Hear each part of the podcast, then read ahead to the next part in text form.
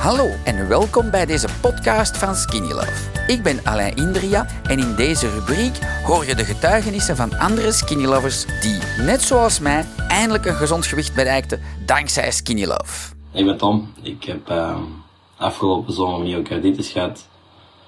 Ik heb het hier heel moeilijk mee gehad. Ik heb uh, angststoornis van gehad. Uh, best diep gezeten. Overal pijn. Ik, ik, ik vond geen uitweg. Tot drie weken geleden. Uh, als mama heeft tegen mij gezegd, neem AX1.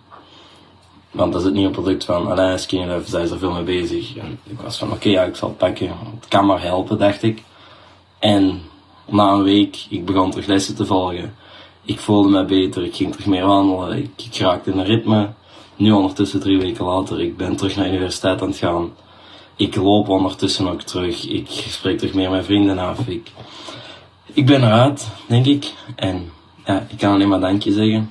En ik hoop dat het ook andere mensen helpt natuurlijk. Um, ja, super bedankt alleen voor dit te maken. Um, het heeft echt mijn leven gered, dank je man.